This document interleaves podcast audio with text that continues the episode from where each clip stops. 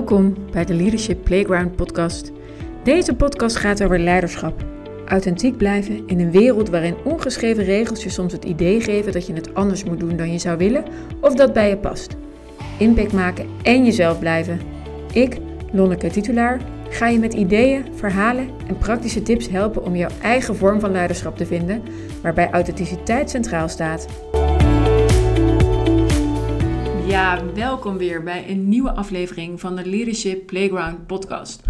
Vorige keer heb ik het met jullie gehad over geld en waarom ik vind dat het voor een vrouw belangrijk is om financieel onafhankelijk te zijn.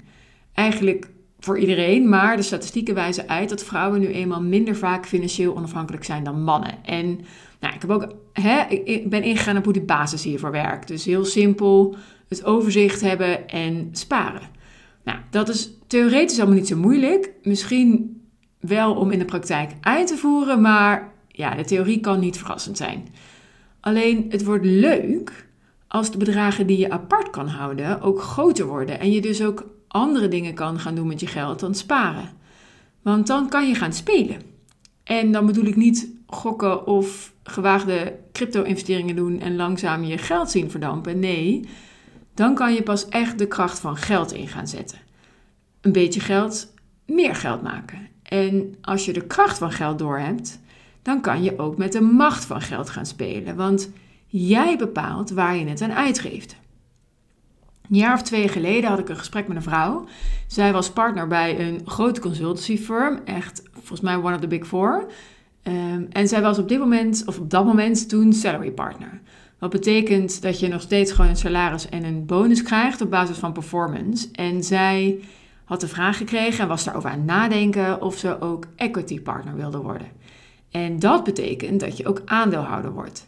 En als aandeelhouder heb je eigenlijk twee grote voordelen, zoals ik ze zie. Ehm, de eerste is dat je mag meebepalen. je krijgt eigenlijk stemrecht. Dus met andere woorden, je krijgt ja, een seat at the table.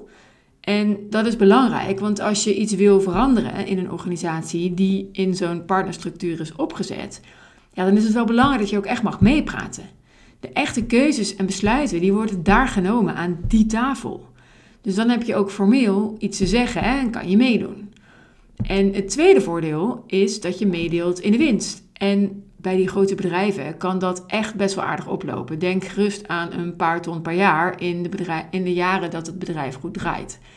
En ja, ik wist eerst helemaal niet dat er een verschil was. Ik denk als je begint als consultant dat je dat heel snel allemaal weet. Maar ik dacht gewoon partner is partner.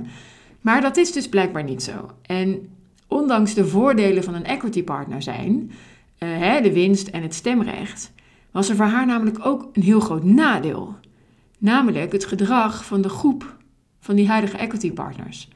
Het waren vooral mannen en ja, zij vroeg zich af of het ook echt een moeite zou zijn om zich daar tussen te gaan mengen. Want formeel heb je dan misschien wel een seat at the table, maar ten koste van wat? En mag je dan ook wel echt meedoen? Ook al heb je misschien formeel wel die positie, wordt, dat ook, um, wordt, je, wordt er ook naar je geluisterd. En nou ja, wat ze ook noemde is, hè, geld is niet wat me drijft. Die extra euro's, die maakten haar leven niet anders. Ze zei, ik heb alles wat ik wil, ik kan comfortabel leven, ik heb nu een goed salaris. En nou ja, de strijd die ze nu als vrouw voerde, vond ze eigenlijk misschien ook wel voldoende. En ik snap dat. Ik snap dat het niet makkelijk is als vrouw om aan zo'n mannentafel te gaan deelnemen. Zeker als het een tafel is waar echt nog die oude masculine spelregels gelden en dan ook in het kwadraat.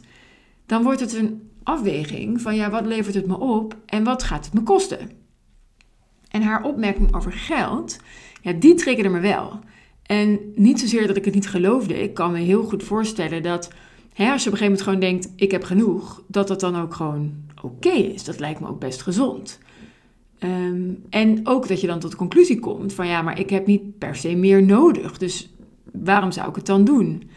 Maar wat bij mij heel erg de gedachte was van ja, maar er zijn ook nog andere dingen die je kan doen met dat geld. Ehm, en hier kom ik op de betekenis van de macht van geld.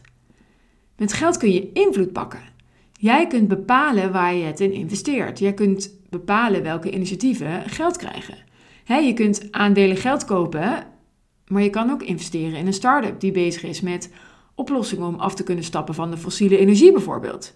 Of je kan het geven aan goede doelen. Je kan zelf een stichting starten voor iets wat je aan het hart gaat.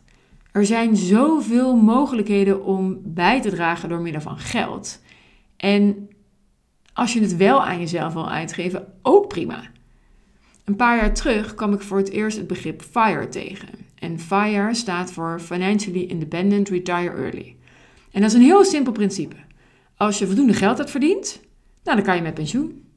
Je hoeft dan niet meer te werken voor je geld, want je rendement op je vermogen zorgt ervoor dat je je basiskosten kan dekken. En nou ja, in die zin zitten eigenlijk twee elementen. Het is namelijk een heel simpel rekensommetje. En nou ja, ik ga niet in op de details van percentages, rendement, daar ga je maar voor googlen. Ehm, maar in basis, een ezelsbruggetje, is dat het bedrag dat je nodig hebt om van je rendement te kunnen leven, is ongeveer 25 keer de jaarlijkse kosten die je hebt. En met de kosten bedoel ik dus de kosten voor je huis, je boodschappen, verzekeringen. Uh, nou ja, eigenlijk gewoon alles wat je elke maand uitgeeft en dat keer 12. Dat zijn je jaarlijkse kosten. En je snapt dat als je die kosten zo laag mogelijk houdt, ja, je minder geld nodig hebt om niet meer te hoeven werken. Een voorbeeld. Als het jou en je gezin lukt om van 3000 euro per maand te leven, nou, dan heb je ongeveer 9 ton nodig om te kunnen stoppen met werken. Daar kan je dan voldoende rendement uithalen om elke maand die 3000 euro ehm, te kunnen uitgeven. Als je 4000 euro per maand uitgeeft, dan is het al ongeveer 1,2 miljoen. Ehm, dus je merkt hoe lager je kosten, hoe minder je nodig hebt. En best wel, dat scheelt dus best wel veel. Nou ja, en naast je lage kosten, dat is het tweede element, wil je zoveel mogelijk verdienen. Want als jij meer verdient, kan je ook meer opzij zetten. Het is echt allemaal niet zo ingewikkeld hoor mensen. Ehm, want je wil natuurlijk zo snel mogelijk dat doelbedrag bereiken. Nou, en ik vind dat dus fantastisch, want dit hele die gedachte, dat maakt eigenlijk dat je uitgedaagd wordt aan de ene kant om die kosten zo laag mogelijk te houden. Dus elke keer als je denkt, ah, oh, dit is wel interessant, ik ga dit abonnement afsluiten op weer een streamingdienst, dat je dan toch even nadenkt, hmm, heb ik dat wel echt nodig? Want elke 10 euro per maand die je niet uitgeeft, die kan je investeren. Ehm, en namelijk de vraag die daarachter zit is, wat heb ik nodig om echt gelukkig te worden? En heel vaak, als je daar echt kritisch op gaat zijn, ja, zijn dat geen extra spullen of nog meer dubbele diensten. En aan de andere kant word je uitgedaagd op de vraag: hoe kan ik mijn verdiensten omhoog krijgen? Hè, kan ik onderhandelen over mijn salaris? Wil ik misschien een side hustle starten? Ga ik uh, me verdiepen in investeren? Nou ja, er zijn zoveel mogelijkheden om ook aan die kant ehm, ja, te plussen. En als je meer gaat verdienen en dan dus niet ook meer gaat uitgeven, want daar gaan toch wel veel mensen dan op stuk, die krijgen dan een salarisverhoging. Maar de maand is dan eigenlijk nog steeds te lang voor het salaris wat ze krijgen, puur omdat ze ook meer gaan uitgeven. Kijk maar om je heen. Hè? Je gaat meer verdienen, dus een groter huis, duurdere auto, duurdere restaurants, duurdere wijn, duurdere boodschappen. Nou ja, noem maar op. Er is een hoop wat je kan soort van upgraden als je meer geld te besteden krijgt. En nou, hier stel ik mezelf dan altijd de vraag: voegt dat dan werkelijk iets toe aan mijn huidige geluk? En is dat het waard ten opzichte van mijn wensen in de toekomst? En dit is natuurlijk super persoonlijk voor iedereen. Eh, en er is ook zeker geen goed en fout, maar het is in mijn ogen wel een goede vraag om jezelf te stellen. Uh, want ja, heel snel doen we ook dingen omdat iedereen om ons heen dat doet. Hè, denk bijvoorbeeld aan een groter huis. Misschien zit je eigenlijk wel super lekker en heb jij een heerlijk tuintje en zit je in een hele fijne buurt. En ja, een extra kamer zou wel fijn zijn, maar komt daar uiteindelijk toch niet gewoon meer zooi in? Um, dus of denk je, nee, ik wil echt een extra kamer, want dan hebben mijn kinderen een aparte eigen slaapkamer bijvoorbeeld. Weet je, dus ben gewoon echt kritisch. Van doe je het omdat iedereen om je heen het doet? Of doe je het omdat het, jou, omdat het ook echt bijdraagt aan jouw kwaliteit van leven?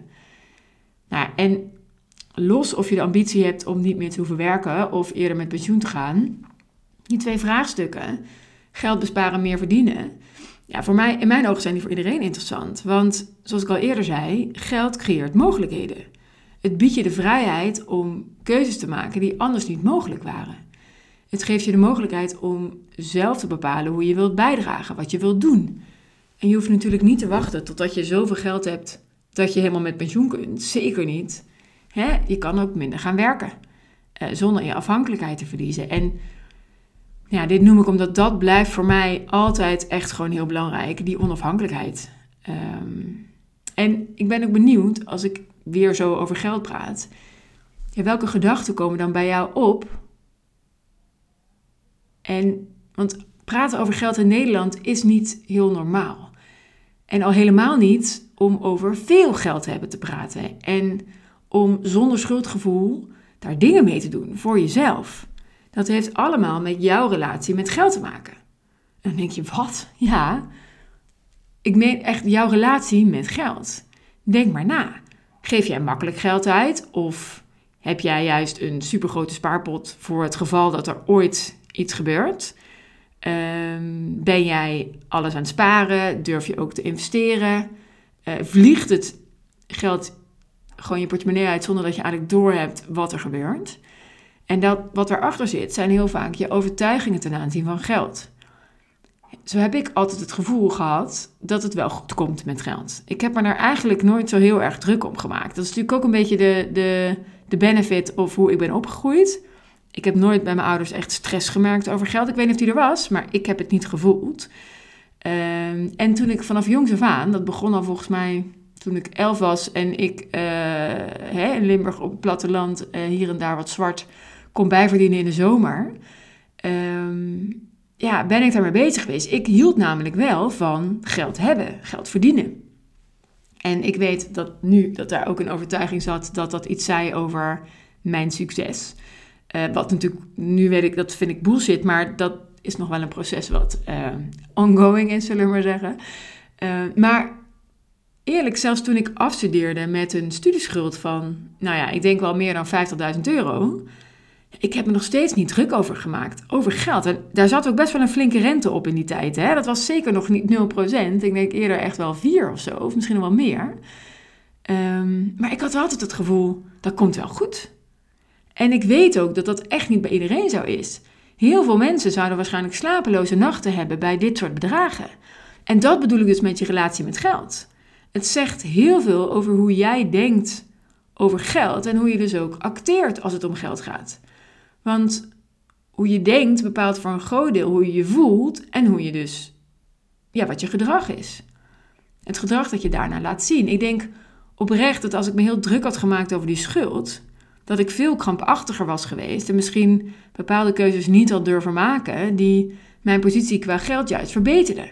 Maar dan had ik dat mogelijk als een te groot risico gezien. Dus naast het technische aspect van geld zit er ook gewoon een heel groot emotioneel stuk aan vast.